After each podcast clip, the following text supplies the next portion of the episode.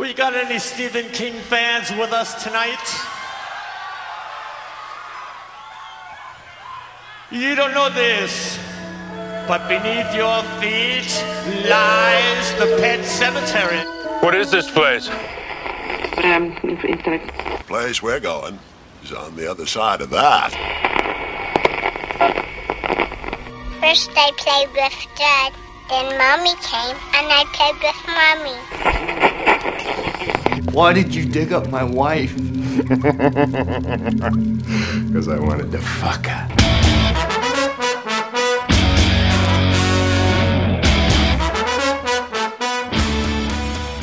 Witamy serdecznie w kolejnym odcinku podcastu Radio Stephen King. Dzisiaj jest ze mną Jerry. Witam Ciebie, Jerry. Witam Cię, Mando, witam wszystkich słuchaczy. I dzisiaj będziemy rozmawiać o filmach na podstawie i na motywach powieści Cmentarz dla zwierzaków. Paramount Pictures presents Stephen King's all-time best-selling tale of horror. Pet Cemetery. Powstała póki co jedna ekranizacja i jeden sequel. Od jakiegoś czasu mówi się o kolejnej ekranizacji, ale mówi się o wielu ekranizacjach, także to na razie jest na etapie jakichś tam wczesnych planów. Film powstał w 1989 roku, czyli jest już dosyć wiekowy. Wyreżyserowała go Mary Lambert, kobieta, która w zasadzie w swojej filmografii nie ma nic. Natomiast scenariusz napisał Stephen King. Obaj czytaliśmy książkę. Ty czytałeś książkę, bo rozmawialiśmy Tak, czy- o niej już chociażby w Halloweenowym podcaście. Czytałem książkę i no ja nie jestem jakimś przesadnie wielkim fanem, mimo że to jest dosyć powszechnie chyba hołubiona książka pośród fanów Kinga. Ja ją lubię. Myślę, że w tej chwili, gdybym powtórzył ją- sobie, to odebrałbym, tak jak to mówiłem w Halloweenowym podcaście, odebrałbym ją dużo mocniej od momentu, gdy zostałem ojcem. I, i mam taki plan, ale przed mm, powtórką z filmów nie zrobiłem sobie tego. I, i, I chyba bardzo dobrze, bo, bo przynajmniej podszedłem do tych filmów tak dosyć na czysto. Ja czytałem tę książkę dwa razy, także no, no znam tę historię, ale po prostu podszedłem do filmu, wiesz, bez y, takiego obciążenia, że porównywałem każdą scenę i, i, i tak dalej. Po prostu bawiłem się filmem. No ja, ja też nie powtarzałem, ale to można powiedzieć, że to jest pewien paradoks, bo tak jak ja nie specjalnie przypadam za tą książką, to ja ją bardzo dobrze pamiętam. I to jest taka powieść, która no, nie jest może specjalnie jakaś tam skomplikowana czy wyszukana, ale ta historia no, jakoś tam mi się zapisała w pamięci właśnie i, i mimo, że nie miałem jej na świeżo, to tak leciutko miałem tak w niektórych momentach w trakcie seansu właśnie, że mi się kojarzyły niektóre rzeczy, e, że a tutaj to w książce troszeczkę inaczej i tak dalej, ale to, to nie rzutowało mi jakoś na, no, też na ogólne wrażenia z filmu. No to ja tak kompletnie nie miałem. No dla mnie ten film, tak mi się wydaje, że on jest naprawdę bardzo wierną ekranizacją. E, Jeżeli gdzieś tam był jakiś taki, takie mocne rozjechanie z książką, no to, to możesz o tym wspomnieć w trakcie dyskusji. To przechodzimy do omówienia. W zasadzie, no, streszczać fabuły to raczej nie muszę. Myślę, że większość słuchaczy powinna znać fabułę, a, a tutaj naprawdę jest to dość wiernie odtworzone. No w dwóch, trzech zdaniach to jest historia o cmentarzu Indian, gdzie jeśli pochowamy swoich zmarłych, no to oni powrócą do życia. No i oczywiście powracają troszeczkę zmienieni, trochę inni i, i, i to wcale nie jest dobre e, chowanie tam swoich zmarłych, ale i tak każdy, kto się dowiaduje o tym, to, e, no to to robi. No i, i to w zasadzie taka oczywiście bardzo uproszczona historia, no bo ona, mm, ona, można by ją omawiać na wielu płaszczyznach. No tutaj mamy naprawdę y, jakiś tam ciężki dylemat ojca, który stracił syna i tak dalej. Ale co się tyczy filmu, no już w samą historię powiedzmy aż tak się nie będziemy wgłębiać. Dla mnie to jest, yy, to jest taki troszeczkę paradoks, bo mm, tak jak powiedziałem, Mary Lambert, no jest to reżyserka w zasadzie niczego. Ona głównie reżyserowała teledyski i można powiedzieć taki no, taśmowy, horrorowy chłam. E, w- Wideo jakieś tam Boa kontra Pyton i inne jakieś tego rodzaju y, arcydzieła światowej kinematografii. Także no, tak jak mówisz, no, to jest y, a, aż dziwne, że ona trafiła akurat na stołek reżyserski. To w sumie na takim jakimś początkowym etapie swojej kariery filmu sygnowanego nazwiskiem Kinga, no, który już akurat w tamtym okresie no, był jakoś, jakąś tam gwiazdą. Także no nie wiem, trochę dziwna decyzja producentów o osobie reżyserki akurat. No i ja mówię, że to jest paradoksalne, bo kobieta, która właśnie, tak jak mówisz, zrobiła głównie teledyski, jakieś tanie horrory, stworzyła w moim odczuciu jeden z, jeden z fajniejszych filmów na podstawie Kinga, bo ja naprawdę bardzo lubię film Cmentarz dla zwierzaków i lubiłem go zawsze. Lubiłem go od pierwszego obejrzenia, bo widziałem go już wielokrotnie. Lubiłem go oglądając go na świeżo po lekturze i, i, i teraz, gdy, gdy powróciłem po tych kilku latach, nadal mi się bardzo podobał. Ja naprawdę nie mam większych problemów z tym filmem. A zrobiła go kobieta, no, znikąd. Ja przyznam się też od razu, że ten film widziałem pierwszy raz, teraz. I zarówno tyczy się to ekranizacji, jak i sequela. I ja ogólne wrażenia też mam raczej dobre. To jest taki horror y, bardzo mocno, mam wrażenie, zakorzeniony w latach 80. i on tak, tak pachnie takim horrorem lat 80., mimo że to to roku 89, czyli już teoretycznie tak kolejna epoka prawie zapasem, ale mimo wszystko gdzieś tam jakby i sposób kręcenia i, efekty, i jakby całość tego filmu jakoś tak mi się kojarzy właśnie z y, horrorem tamtego okresu. Natomiast ja mam jakby delikatny problem, to co ci wspomniałem poza podcastem, że mam wrażenie, że ten film mógłby być jeszcze lepszy, gdyby go nie pisał King. E, dlatego, że jakby taki mój jedyny jakiś tam lekki problem co, co do całości seansu wynikał z tego, że znając książkę i oglądając film, to e, momentami e, wydawało mi się jakby troszeczkę pewne rzeczy z jednej strony albo były zbyt łopatologicznie wyłożone, albo z drugiej strony z kolei pewne rzeczy jakby gdzieś uciekły w, przy przepisywaniu książki do scenariusza. W tym sensie, że w książce cała ta opowieść o rodzinie Creedów e, była jakoś tak e, lepiej rozpisana. Tutaj teoretycznie w filmie mamy wszystkie istotne sceny, które w książce były. Od samego początku, czyli tam od przyjazdu, y, po, poprzez na przykład to, jak on tam ratuje tego gościa, y, czy, czy ratuje, jak przywożą mu na uczelnię tego gościa z rozwaloną głową i tak dalej, i tak dalej. Wszystkie te sceny, takie istotne z punktu widzenia fabuły, one są zachowane. Natomiast y, no, ja pamiętam tą książkę, że ona była właśnie tak dosyć dobrze rozpisana jak na Kinga. Właśnie, że nie miało się takiego poczucia, że to jest, wiesz, jedna z tych powieści, gdzie on się tam dał porwać i, i po prostu to wszystko w którymś momencie się wymykało spod kontroli, tylko ja miałem takie właśnie wrażenie, że to było ułożone, że było opisane na przykład właśnie kim jest y, ojciec rodziny, co robi, później jakby naturalnie było, było wprowadzenie właśnie te, te, ta kwestia tego wypadku, to co się działo w domu i pomiędzy nimi, na przykład pomiędzy teściami, to też wszystko jakoś było tak naturalnie wprowadzone. A tutaj po prostu jakieś takie miałem momentami poczucie, że właśnie e, te, te, sceny wszystkie są, ale jakby one nie do końca, wiesz, wynikają jedne, jedne z drugich, jakby były, nie wiem, przetasowane w montażu nieraz, bo, bo chociażby, wiesz, ta scena właśnie z tym wypadkiem, tego gościa z rozwaloną głową, ona tu jest tak trochę znikąd. Mamy motyw, że ta rodzina wyjeżdża, w sumie on zostaje, nie wiadomo dlaczego, potem go nagle widzimy właśnie w pracy, kiedy mu przynoszą tego studenta, i to właśnie w kilku momentach miałem takie, no, jakieś dziwne wrażenie, jakby czegoś e, tutaj na, na taśmie filmowej nam zabrakło, co w książce było, i to były takie pewnie nieistotne filery z punktu widzenia jakby ogółu fabuły. Natomiast, e, no, było to jakoś fajniej poprowadzone. Natomiast e, to, to, wiesz, to z punktu widzenia głównej osi fabularnej to, to nie jest jakiś tam wielki zarzut, no, no bo tutaj wszystkie istotne wydarzenia no i tak jakby mamy przedstawione. No ja takiego poczucia nie miałem.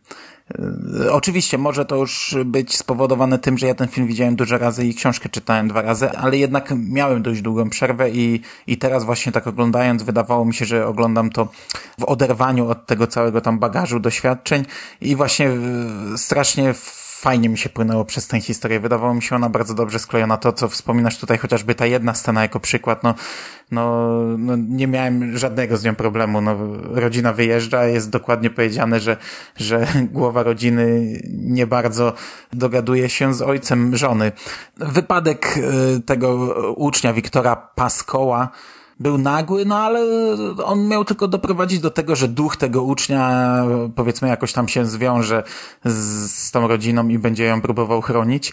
E, No, ja osobiście nie miałem problemów pod względem scenariuszowym, ale, ale możliwe, że wiesz, że możliwe, że tak jest, chociażby to, to mniej więcej podobne zarzuty miał Robert Dziębiński w swojej książce, chociaż tak jak mówiłem kilka podcastów temu, no, Robert Dziębiński miał bardzo subiektywne i często skrajne i często nie pokrywające się kompletnie z takim tam ogólnym, z ogólnymi ocenami, ale też tutaj zarzucał właśnie, że jest trochę taki chaos, yy, właśnie w rozpisaniu tej historii, że na przykład za dużo jest y, retrospekcji z Zeldą, z siostrą głównej bohaterki, które tak naprawdę w zasadzie nic nie wnoszą do tego filmu i tak dalej. Ale to, to, to, to akurat, wiesz, ja, ja bym się nie zgodził na przykład z tym akurat, akurat z tym konkretnym zarzutem, bo to był w ogóle jeden z fajniejszych elementów w tym filmie. Mi się strasznie to podobało. Te retrospekcje z tą siostrą, one były klimatyczne. Świetnie była zagrana ta siostra, mimo że z tego, co tam gdzieś wyczytałem, to facet grał w ogóle chyba tą siostrę, bo nie byli w stanie znaleźć aktorki, która by spełniała oczekiwania twórców, ale no wypadło to świetnie i tak z punktu widzenia właśnie takiego budowania atmosfery grozy, to to działało i to się świetnie sprawdziło na ekranie akurat, także to, to, to tego akurat ja bym się nie czepiał. Tak, facet grał, już sprawdziłem. Dla mnie właśnie plusem tego filmu jest, jest jego klimat, yy, również właśnie pod względem wizualnym, bo tak jak mówisz, ten film czuć, że to są jeszcze lata 80. i zrobiony jest, kurczę, no według mnie dobrze, bo większość, nie wszystkie, większość efektów y, tutaj naprawdę robi właśnie fajne wrażenie. I charakteryzacja tej siostry. Ja pamiętam, jak ja byłem trochę młodszy i to oglądałem, no to naprawdę ten film potrafił mnie przestraszyć momentami. Jak ta siostra siedzi na tym łóżku i podchodzi do tej kamery taka zgarbiona w takim trochę nienaturalnym krokiem, to ja naprawdę oglądając to wieczorem w ciemnym pokoju byłem osrany. I te wszystkie krwawe efekty, czyli właśnie chociażby głowa tego ucznia zmiażdżona z wypływającym mózgiem, efekty mm, tych ożywionych, pogrzebanych, już nie będę tutaj w jakieś takie aż tak szczegóły wchodził, chociażby ostatnia scena y, dość krwawa i, i taka y, obrzydliwa. Oczywiście y, no, były też rzeczy źle zrealizowane pod tym kątem. Tutaj chyba tylko jedna czy dwie sceny może przychodzą mi do głowy, jak pod koniec mm, główny bohater idzie na cmentarz Mikmaków, to jest taka jedna kompletnie niepotrzebna rzecz, jak taka głowa wyskakuje, nie wiadomo skąd, taka komputerowa dziwaczna, nawet nie wiem czyja to jest głowa. Ja pamiętam, że taka scena chyba była w książce, ale w filmie to wyglądało koszmarnie. I dla mnie właśnie w tej ekranizacji gra w zasadzie prawie, że wszystko. Także ja naprawdę ją oceniam bardzo wysoko. Myślę, że warto jeszcze było dodać do tego, co mówisz, że bardzo fajnie klimatycznie wypada też sam ten cmentarz zwierząt, bo ja byłem bardzo pozytywnie zaskoczony, jak klimatycznie udało się odtworzyć tą miejscówkę. I to się bardzo fajnie sprawdzało na ekranie.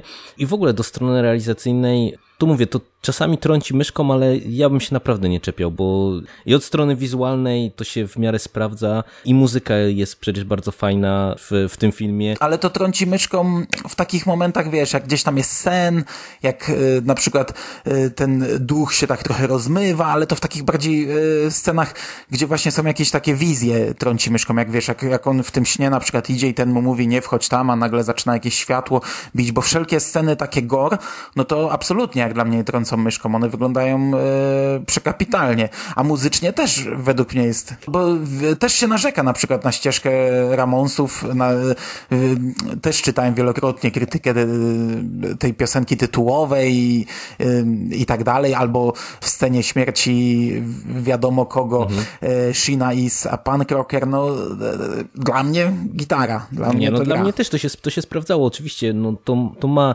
specyficzny klimat i to, to nie jest tak, że to będzie każdemu pasować, no ale to y, no, zespół też akurat, który te, te kawałki wykonuje, no to, to też nie jest zespół, który gdzieś tam jest y, popularny wśród ogółu, więc mm, no, dla mnie to nie jest specjalne zaskoczenie, że na przykład przeciętny słuchacz czy, czy, czy przeciętny widz może uznać, że na przykład, że to nie pasuje, no ale myślę, że to w klimacie filmu to było fajnie zrealizowane, fajnie wpasowane, no a poza tym to też można powiedzieć, że to jest taka dodatkowa atrakcja, no bo to jednak uznana kapela wykonująca tytułową piosenkę napisaną tak na dobrą sprawę specjalnie na potrzeby filmu, no to też nie jest w końcu rzecz taka zupełnie standardowa mi się wydaje i to, to też no to, to taki, taki dodatkowy, ciekawy i fajny smaczek według mnie. Przyczepić mógłbym się mm, do do gry dzieci. Może nie tyle Gage'a, co Ellie.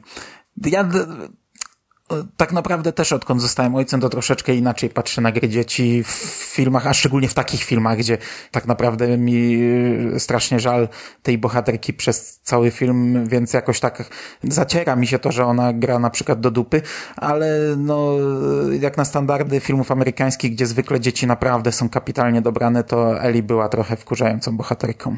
No, coś w tym jest. Natomiast ten Gage był niezły. On był taki mocno przerysowany momentami, szczególnie w tej końcówce, to już naprawdę tak momentami to dosyć mocno pojechali, ale mimo wszystko to się właśnie fajnie wpasowywało w ten ogólny klimat i, i na mnie to jakoś tam wywarło akurat bardzo pozytywne wrażenie, jeżeli chodzi o, o tą grę Gage'a.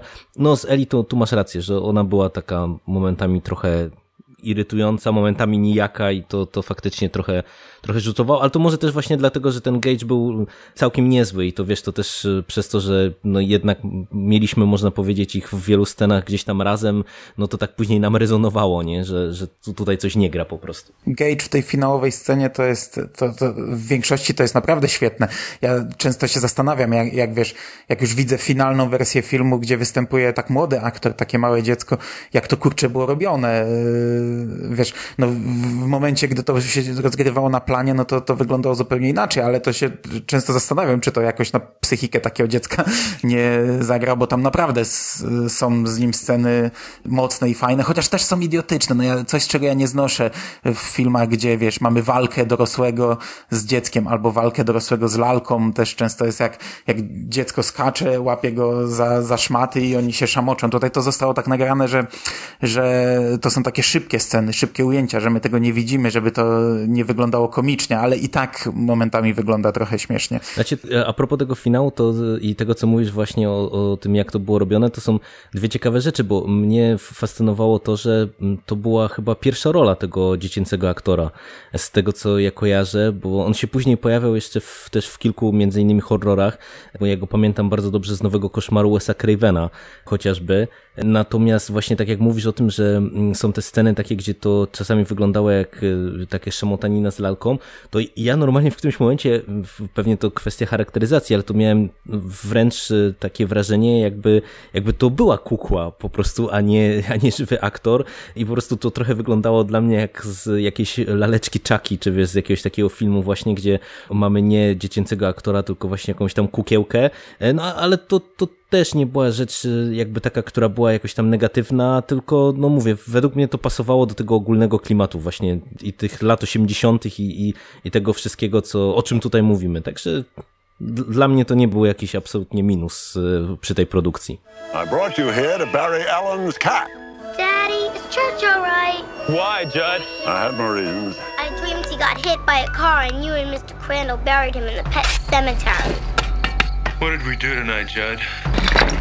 What we did, Lois, was a secret. Jeżeli przechodzimy tutaj już do podsumowania jakby z, z sam, samej ekranizacji, to moje największe zastrzeżenia budzi sama ostatnia scena, bo to jest rzecz, która, na ile ja dobrze pamiętam książkę, była inaczej rozegrana w powieści i tam była zrobiona, można powiedzieć, delikatniej i wypadła lepiej. W filmie jest to bardziej efekciarskie, takie bardziej dosłowne i dosadne, no ale to wypada źle moim zdaniem i tutaj ta ostatnia scena zupełnie w filmie jest chyba niepotrzebna i, i tak y, troszeczkę jakby te ogólne dobre wrażenia jakoś mi to zatarło. Ale to mówię, to też być może jest tylko moje jakieś tam subiektywne odczucie właśnie co do tego i być może ogół się ze mną nie będzie zgadzał w tym temacie. Ona jest zrobiona tak, jak się wtedy kończyło horrory i jakoś mnie to nie gryzło, bo, no bo większość horrorów z tamtego okresu kończy się w taki sposób, kończy się taką sceną. E, ja wiem o co chodzi, że tutaj jest już za mocno, e, powiedzmy, ta kropka nad i i to, to, to znaczy E, Tak myślę, że o to ci chodzi, e, czy o samo jej tak, wykonanie, tak, Że, że już jest tam za dużo, nie, nie, nie, nie o wykonaniu. za dużo gore, wiesz, powiedzmy. O, o, o samą taką niepotrzebną dosłowność. No, jeżeli ja dobrze pamiętam, to, to książka się kończy z rękami na ramionach, y, że tak powiem, bez wiadomo jakby dal, dalszego ciągu, który w filmie widzimy i ten dalszy ciąg, ta dosłowność jest, jest tutaj niepotrzebna. No, w książce jakby mieliśmy pozostawione jakby już w, dla wyobraźni czytelnika to, co się dalej będzie działo. W filmie, mówię, postawiono na dosłowność i i moim zdaniem to był błąd, akurat jeżeli chodzi o sam finał. No ale to. To znaczy, ja się zgadzam, w książce to było lepiej zakończone, ale wydaje mi się, że w filmie to musiało być chyba tak pociągnięte, bo gdyby zakończyć tylko samym wejściem, yy, yy, kręcimy się, żeby nie spoilerować, już, już powiedzmy, kręćmy się dalej, już, już nie walnijmy tutaj spoilera, samym wejściem yy, wiadomo kogo, do pomieszczenia, to to, by, to, to to było fajne w książce, ale nie wiem, wydaje mi się, że w takim to- to- ho- horrorowym filmie to- by było trochę za mało. Pytanie, czy, czy tak by było, czy, czy można było to jakoś inaczej rozegrać, bo ja nie wiem, czy ty widziałeś w końcu Wakewood y, Hammerowski. Nie, nie widziałem jeszcze, nie. E, No to, to jest e, film, który jest e, bardzo podobny do Cmentarza Zwierząt, ale mm, to ja jestem zdecydowanie większym fanem właśnie wersji hammerowskiej tej opowieści, bo ona jest dosyć podobna, tam różni się niuansami. I tam mamy też e, ostatnią scenę, która może bu- budzić też pewne skojarzenia ze Cmentarzem Zwierząt. Ja tam nie będę wchodził w szczegóły, co tam się dzieje, bo to mimo wszystko jest trochę inaczej, ale tam też jest tak, że teoretycznie y, mamy, wiesz, y, film kończy scena, którą można by było bardziej dosadnie potraktować, a jest jakby zachowany właśnie umiar i, i dlatego ona działa zdecydowanie bardziej. No ale to mówię, wiesz, malutki zarzut, bo, bo pewnie tak masz rację, że no to lata 80. to jednak subtelność, umówmy się, nie była największą y, cnotą współczesnej kinematografii, więc, więc być może no po prostu inaczej tego rozegrać nie można było.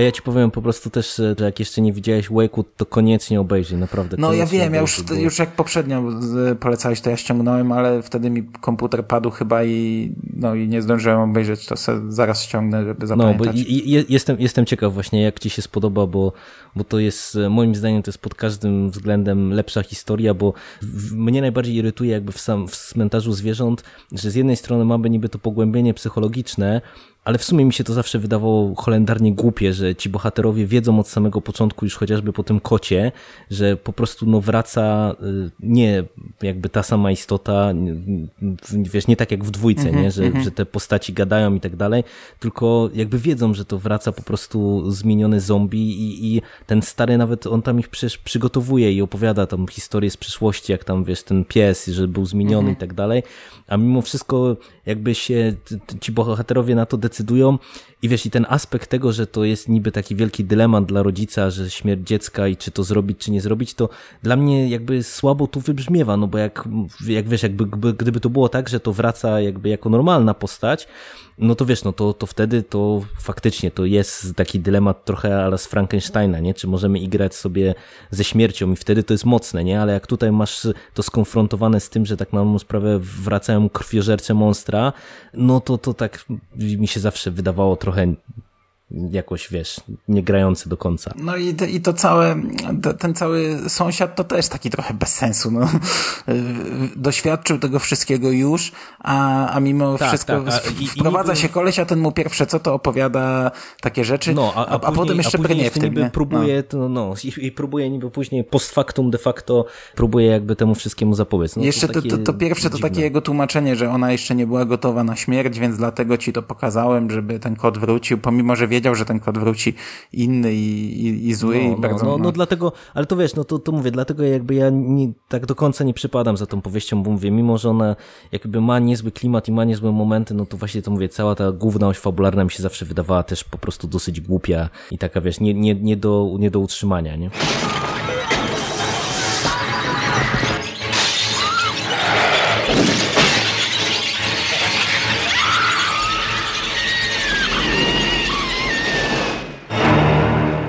Cemetery 2. Some stories just won't stay dead. Nie mijają trzy lata, znaczy mijają dokładnie trzy lata i powstaje sequel, druga część Cmentarza dla zwierzaków, reżyserowana zresztą przez tę samą kobietę, Mary Lambert. Moim zdaniem gigantyczna zmiana w ogóle klimatu i całego odbioru filmu niby tylko trzy lata, ale już, e, już to, to, to jest już zupełnie inny klimat, już bardziej latami 90. wali po oczach, ale jeszcze zanim przejdziemy do analizy, dwa zdania o czym to w ogóle jest. Jest to nowa historia, nowe postacie, ale to samo miejsce. Akcja rozgrywa się w tym samym miasteczku. Historia Creedów już obrosła w taką miejską legendę, opowiadaną sobie przy ogniskach przez dzieciaki. Straszy się Creedami. To cały czas funkcjonuje w miasteczku. Gdzieś tam mijamy y, dom Creedów, skrzynkę na listy Creedów i tak dalej, ale właśnie to funkcjonuje już jako taka miejska legenda i tym razem mamy historię chłopca, którego gra Edward Furlong. Zresztą jest to jego pierwsza rola zaraz po Terminatorze dwójce którego matka umiera, on przyjeżdża do ojca właśnie do, do tego miasteczka, no i tutaj przeżywa różne perypetie, oczywiście trafia na cmentarz dla zwierzaków, trafia na, na, na cmentarz Mikmaków, no i wszystko idzie znajomym torem. Oczywiście znajomym torem, ale w zupełnie innym klimacie, bo tutaj naprawdę to się różni kolosalnie. Te postacie, które wracają, ci bohaterowie, którzy wracają z zagrobu, no to, to, to, to to, to są zupełnie inni. To są ludzie myślący, funkcjonujący, rozmawiający, łączący się w grupy i tak dalej, i tak dalej. Dla mnie ten drugi cmentarz zwierząt to jest e, e, przykład na taki typowy sequel y, realizowany w myśl zasady więcej, głośniej, y, mocniej, bo jak tam wkończyliśmy y, o, o jakby to, ten omawianie pierwszego filmu, tej ekranizacji, tym, że no tam ta końcówka jest mało subtelna, no to tutaj nie ma w ogóle żadnej subtelności w tym filmie. To jest wszystko głośne, efekciarskie i, i no tak jak mówisz, no to jest zupełnie inny klimat, natomiast też warto wspomnieć, że tutaj King się już nie pojawia, bo, bo tak jak mówiliśmy przy ekranizacji, że był autorem scenariusza, o czym w sumie chyba nie wspomnieliśmy, on się nawet pojawia w małym cameo w cmentarzu zwierząt jako ksiądz. May the Lord bless you and keep you. Has anyone ever buried a person up there? May the Lord make his face to shine upon you. You're thinking thoughts best not thought of. E, natomiast tutaj w filmie, to jeżeli ja dobrze pamiętam, w sequelu, to już nawet nie ma go w, nigdzie w napisach, chyba nawet e, na, na początku filmu. Aż tak się nie przyglądałem. To czy na pewno jest gdzieś tam podane, że na podstawie bohaterów stworzonych przez, przez Kinga, ale, ale związku jego z tym filmem nie ma żadnego. On w, w, z żadnym sequelem nie miał związku nigdy. Yy były plany kiedyś na Nocne Zło, na, na Nocny Latawiec 2 i on miał chyba tam pisać scenariusz, czy jakoś się zaangażować w ten film, ale ten film nie powstał. A, a tak to żaden z sequeli, jakie powstały na podstawie Kinga, no to e, King mm, e, nie miał z tym żadnego związku. Poza tym, że sprzedał prawa i, i, dostał za to pieniądze, no to wszystko. No, ale to tak jak mówisz, no to jest film o zupełnie innym klimacie. Nie wiem, dla mnie to jest produkcja, którą z, jedno, z jednej strony oglądało mi się dosyć bezboleśnie, natomiast z drugiej strony e, ona była momentami taka irytująca, bo z niej wychodzi właśnie taki, e, taki taka głupowatość z sequeli, po prostu gdzie mamy e, różne efekciarskie rozwiązania fabularne, które no, z punktu widzenia spójności świata przedstawionego są totalnie bez sensu, no bo na przykład to, co, to, co wspominasz na przykład o tym chociażby, jak tutaj jest rozwiązana cała sytuacja z powracającymi zmarłymi, e, no to, to, to nie wiem, jak to się ma tak na dobrą sprawę do tego, co widzieliśmy w ekranizacji. I tutaj teoretycznie z jednej strony mamy sytuację taką, że gdzieś tam odnosi się film właśnie do tego, co się wydarzyło mm, mm, rodzinie Creedów, e, a, a z drugiej strony, no jakby to, to, to jest zupełnie inna historia i mimo, że teoretycznie znowu mamy smenta zwierząt w centrum, no to, to on działa zupełnie inaczej nagle po tych, po tych paru latach. Także to, to się z tego punktu widzenia to się dziwacznie ogląda. Ja się zgadzam. Ja akurat do tego filmu mam pewien sentyment, bo to jest, mm, ja go widziałem wcześniej, jeszcze przed mm, oryginalnym cmentarzem dla zwierząt. Jeszcze w zasadzie widziałem go zanim zacząłem się na dobrą sprawę interesować Kingiem, jeżeli dobrze pamiętam, bo chyba nawet jakoś pod koniec podstawówki albo początek liceum obejrzałem, był dostępny u mnie w wypożyczalni wideo, więc oglądałem go wtedy wielokrotnie, bo ja wszystkie horrory, jakie wtedy były dostępne w wypożyczalni oglądałem wielokrotnie, bo tego nie było dużo. Dlatego jakiś tam pewien sentyment mam do tego filmu, ale, ale, no, no, ale on jest tak przeokrutnie głupi. No. Pomimo, że to nawet czuć jakiś klimat Kinga na początku, bo to całe miasteczko to jest dosyć kingowe. Przynajmniej sam początek. Yy, to znaczy sam początek, no nie mówię o pierwszej scenie, tylko, tylko o, o przyjeździe do, do tego miasteczka, ale to się robi naprawdę tak przeokrutnie głupie, a finał filmu już jest po prostu, to jest po prostu już katastrofa. Jeżeli narzekaliśmy na poprzedni finał, no to ten to jest po prostu. Znaczy, jeżeli mówisz o, o kingowym klimacie, to tutaj y, dla mnie ciekawe jest to, że przynajmniej ja odniosłem takie wrażenie, że tu jest y, przynajmniej kilka nawiązań, głównie do lśnienia, ale, ale kilka nawiązań jest takich kingowskich. E, właśnie, nie, nie, nie wiem, czy to była jakaś moja paranoja oglądając ten film, czy, czy to tak faktycznie było, bo mieliśmy w którymś momencie scenę z bliźniaczkami, e, mieliśmy jednego z tych e, zmartwychwstańców wchodzącego przez drzwi niczym Jack Torrance w lśnieniu. I takich parę elementów ja, ja, tak jakby sobie odnotowałem w głowie jakby właśnie, jak, jakby to były świadome nawiązania, no bo aż mi się nie chce wierzyć, że to ktoś przypadkowo u, u, u, zrobił podobną scenę po prostu do, do, do jakiegoś innego dzieła skojarzonego z Kingiem ale nie wiem, czy to, to kojarzysz coś, czy to faktycznie jakby takie nawiązania tam, tam były, czy to ja sobie coś dorobiłem po prostu? Mm, ja tego tak nie odebrałem, ale ja to oglądałem na bardzo ciężkim kacu teraz, a wiemy jaka jest temperatura i, i, i jak człowiek znosi kacę, ale ja tego tak nie odebrałem. E, ale to, to bardzo możliwe, że było to, to, takie rzeczy świadomie zrobione, nie? E, nawiązując do tego też, co przed chwilą powiedziałeś, że on jest przeokrutnie głupi, to nie dość, że on jakby nie ma sensu tak z punktu widzenia właśnie logiki całego świata przedstawionego, to tam jest jeszcze dużo takich scen kompletnie od czapy, jak y, na przykład wiesz, cały ten motyw z tymi królikami, co tam hoduje ten jeden z bohaterów. No przez cały ten wątek jest po prostu dla mnie tak kompletnie od czapy, a to nie jest y, jedna scena na przykład z tymi zwierzątkami, tylko po prostu to, jest, to się przewija niemalże przez cały film i, i to każda ta scena to ja normalnie oczy przecierałem momentami ze zdumienia, o co chodzi w ogóle, po co to, po co to tam jest. I, i, i to takich, takich elementów tu, tu jest sporo, nie? Gdzie, gdzie jak ja już jakby się wciągałem i taki robił się jakiś, jakiś fajniejszy klimat, to nagle dostawałem w twarz jakąś taką absurdalną sceną, która mnie mocno wybijała po prostu z, całości seansu. Warto wspomnieć, mm, bo powiedzieliśmy, że King nie zaangażował się w ten film, ale tutaj obsadę mamy e, nie najgorszą, całkiem niezłą nawet, no bo tego policjanta, o którym mówisz, grał Clancy Brown, e, który możemy go znać chociażby z Zielonej Mili, ale też z masy innych e, produkcji. No właśnie, jadę strzałką w dół po jego IMDB, jest po prostu gigantyczna. W roli głównej, tak jak już powiedziałem, grał Edward Furlong, który w tamtych czasach był naprawdę wielką gwiazdą. Jeżeli to jest chwilę po Terminatorze, no to wiesz, to, e, no, to, to, prawda, to on prawda. był taką młodzieżową, naprawdę potężną gwiazdą. E, jego ojca gra Anthony Edwards, który no akurat, akurat w tym 92 może jeszcze... No krótko przed ostrym dyżurem. No właśnie, chwilę, ale, chwilę później. Ale no to też jest jakby osoba kojarzona obecnie i, i, i, też człowiek z niemałym dorobkiem w sumie aktorskim. No właśnie, chwilę później zaangażował się w ostry dyżur i, i grał tam jedną z głównych ról. E no, no to to tylko tyle chciałem powiedzieć, że to nie jest jakiś taki sequel yy, z nikim, yy, tylko, tylko mamy tutaj jakieś tam znane nazwiska. No, ale to absol absolutnie nie zmienia odbioru tego filmu, nie?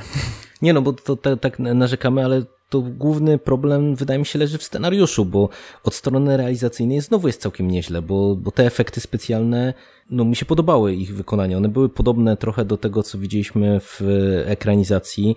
One się nadal sprawdzały i, i tych efektów specjalnych przez to, że no, tak jak powiedzieliśmy na początku, no to jest dużo bardziej efekciarski film i nastawiony na, na taką jakby większą dynamikę i wie, więcej takich typowo horrorowych zagrywek, no to tutaj to naprawdę wyglądało wizualnie całkiem spoko, tak mi się wydaje. I, i, i przez to też, że to znowu jakby mieliśmy do czynienia z efektami takimi e, no, bardziej praktycznymi, analogowymi, no to, to też się starzeje całkiem przyzwoicie, no nie, nie mamy takiego poczucia, że, że po prostu to już wygląda jakoś bardzo źle, no, no tylko po prostu no niestety tutaj ktoś, e, mam wrażenie, pojechał nazbyt mocno w scenariuszu i po prostu chyba, e, chyba nie do końca jakby wyciągnął to, co w cmentarzu zwierząt i, i w książce i w tej pierwszej ekranizacji było no, tym, tym czynnikiem taki naj, najistotniejszym, tylko postawiono na taki prosty horrorek po prostu o, o pseudo-zombie i, i, i to wszystko można powiedzieć, a, a niestety no, z logiką na bakier. No, pan scenarzysta jakiegoś wielkiego dorobku nie ma z tego, co widzę.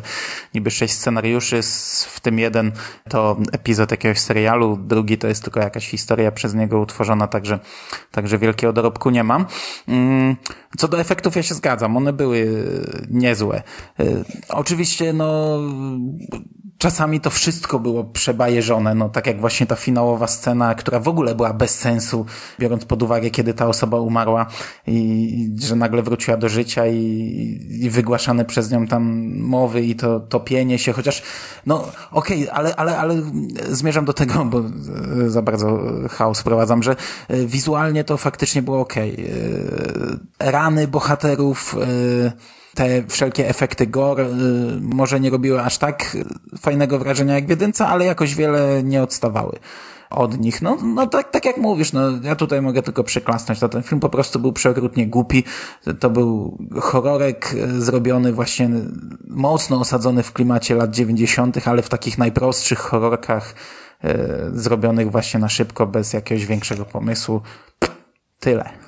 No i, myślę, że tu więcej naprawdę nie powiemy nic sensownego, no bo tu więcej chyba nie ma co mówić. Plus jest taki, że no nikt z nas, ani ja, ani ty jakoś się nie męczyliśmy strasznie na tym filmie. No oczywiście, nie, jeżeli, jeżeli ktoś podejdzie do tego jako, wiesz, y, świętości i no to, no to może się wkurzać, że takie coś ogląda, no ale to, to, to jest taki właśnie bezbolesny, prosty, łatwy, głupiutki horror. Nie, no to, to mówię, to myślę, że to trzeba zaznaczyć, że jeżeli ktoś właśnie jest wielkim fanem książki, to tutaj no musi mieć świadomość tego, że to jest po prostu głupi film, który y, książkę traktuje na takim absolutnie bazowym poziomie, no bo mi się wydaje, że mimo wszystko jakby sam, sama powieść e, jest ceniona jakby przez to, że, że jest tam ten taki aspekt e, psychologiczny jakby całej tej sytuacji e, istotny i to jak zostało to rozegrane, no to, to jakoś tam działa na, na czytelników. I mi się wydaje, że dlatego sama książka jest tak hołubiona. No i, i ekranizacja, mimo że ona też no trochę jakby upraszczała mimo wszystko y, całą tą opowieść, no gdzieś tam była wierna temu wszystkiemu i ten duch był zachowany. Natomiast no, no tego ducha, tej psychologii, tego wszystkiego, no tutaj w ogóle nie uświadczymy. Tutaj nie ma żadnych dylematów, nie? No przecież tutaj tak jeszcze na sekundę wchodząc jakby w sam film, no to przecież sam nawet początek, to tak jak w oryginalnej historii, tak na dobrą sprawę, no to samo pochowanie jakby tej pierwszej no, żyjącej istoty na, na cmentarzu było już, już spowodowane jakimś tam psychologicznym aspektem, a tak na dobrą sprawę tutaj od samego początku to jest tylko czysta ciekawość i, i nic za tym nie stoi. Tu, tu nie ma żadnej pogłębionej psychologii, więc no, tak jak wspomniałeś, jeżeli dla kogoś, a podejrzewam, że wśród słuchaczy mogą być takie osoby, oryginalna historia jest jakoś tam ważna i czują się z nią jakoś emocjonalnie związani, no to myślę, że tak bezboleśnie nie przebrną przez e, kontynuację. Tak, już nawet, nawet pomijając y, ten najcięższy motyw z pierwszej części, czyli śmierć dziecka, y, czym jest dla rodzica śmierć dziecka, no to y, w jedynce to było jakoś tam budowane właśnie od pierwszej mm, ofiary. Już było jakieś uświadamianie, już w zasadzie od momentu, gdy bohaterowie trafiają na cmentarz, to jest pierwsza rozmowa o śmierci, o śmiertelności, o tym, y, co się dalej dzieje z człowiekiem, rozmowa ojca z córką. I potem każda kolejna ofiara, czy to właśnie będzie zwierzę, czy to będzie mm, ta gospodyni domowa, która tak e, teoretycznie od czapy po prostu była w jednej scenie i, i, i potem nagle się powiesiła, ale to, to też było właśnie jakieś tam zderzenie bohaterów ze śmiercią i ze śmiertelnością i z tym, e, kim jest człowiek i co się dalej z nim dzieje i tak dalej. E, no to tego w dwójce absolutnie nie ma. Tutaj każda śmierć jest po prostu jakimś widowiskiem i to w zasadzie od pierwszej sceny. Tak, no to, to się momentami to się ogląda jak po prostu slasher, tylko trochę w innej konwencji, no bo tak mamy zgon za zgonem, te postacie wracają, umierają, wracają i to tak, no... Hey Junior. Shit. Wanna play?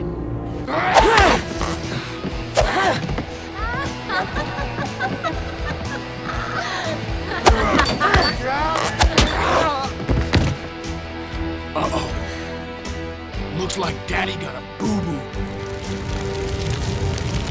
I'm melting. No! That is better! that is better! That is better! Stay with me! Stay with me!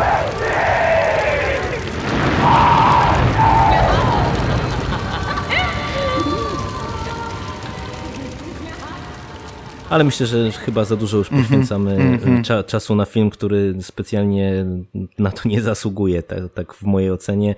Także no, największym jego zaletą jest to, że jest w miarę bezbolesny i to, to chyba wszystko. No, no. Nie było to coś takiego jak na przykład wtedy, gdy omawialiśmy ekranizację Miasteczka Salem, gdzie po prostu yy, o, na, dwójka, nad, nad jedynką się zachwycaliśmy, a nad dwójką po prostu rozkładaliśmy ręce i była katastrofa. Tutaj znów mamy w miarę zbliżone oceny, ale tutaj nie ma ani zachwytów, ani, ani jakiejś wielkiej katastrofy. No, jeden i drugi film nie wiem, no nie chcę użyć słowa nijaki, bo, bo to przesada, przynajmniej w przypadku jedynki, ale, ale nie, jakoś tam, no nie są to szczyty, ani nie są to niziny, nie są to jakieś skrajne produkcje, no po prostu. Znaczy, no, ja, ja myślę, że ekranizację fani książki jak najbardziej mogą obejrzeć i, i jeżeli nie mają jakichś takich wielkich mm, no, wielkiej niechęci jakby do, do, do takiego kina sprzed paru lat jednak, wiadomo, że są takie osoby, które już tam takich starych efektów y, no, nie, nie zaakceptują i dla nich to będzie irytujące samo w sobie. Ale jeżeli nie mamy takich problemów, to myślę, że ekranizację można obejrzeć z jakąś tam przyjemnością z seansu, bo to jest całkiem przyzwoity film, natomiast no sequel dla ciekawości, no, dla mnie mówię to e, efekciarska, przebajeżona po prostu opowieść i, i mówię taki typowy sequel w najgorszym możliwym wydaniu. Aby więcej, aby głośniej i po prostu jak jesteśmy na bakier z logiką, to, to trudno. No brain, no pain.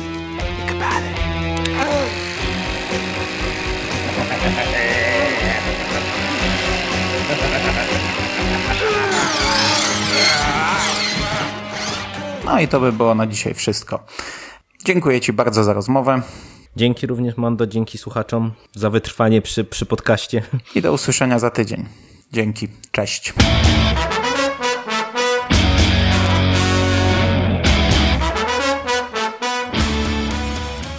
A poza nagraniem jeszcze ci powiem, że jak jedynkę oglądałem, to byłem strasznie ta, takiego doła, miałem lekkiego, bo a ja zapamiętałem, że wiesz, że ten główny bohater to jest taki dorosły pan, głowa rodziny, a wiesz, oglądam i mówię, kurde, to jest szczaf, nie? To jest młody koleś. Tak, no, no młody i, koleś. No i wiesz, to tak moi rodzice kiedyś mieli, yy, to znaczy to każdy człowiek tak ma, że w pewnym momencie, wiesz, ktoś, kto się kiedyś wydawał stary, nagle się wydaje młody i sprawdziłem ją faktycznie, 30 lat miał w tym filmie, kurwa, 6 lat ode mnie młodszy, nie? Naprawdę aż się źle z tym czułem, bo wiesz, pamiętałem ten film, że to jest film o, o, o normalnym, wiesz, dorosłym człowieku. O starym kolesiu. No, no, no, gdzie ja cały czas myślę, że ja młody jestem, nie?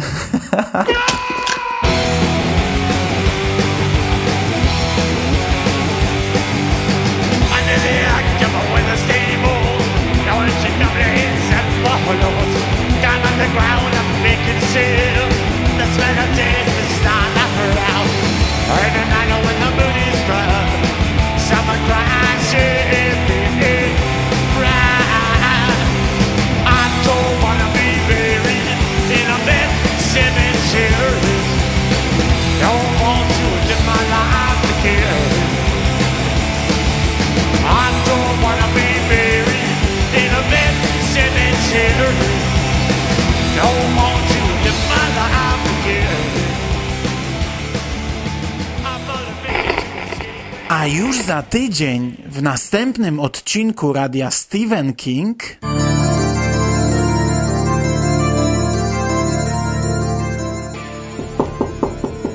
Otwarte. Słucham.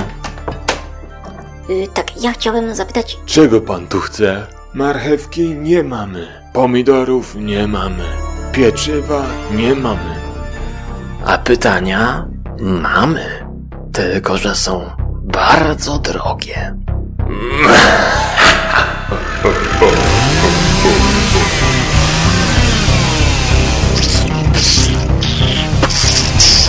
o nie, tylko nie mogę.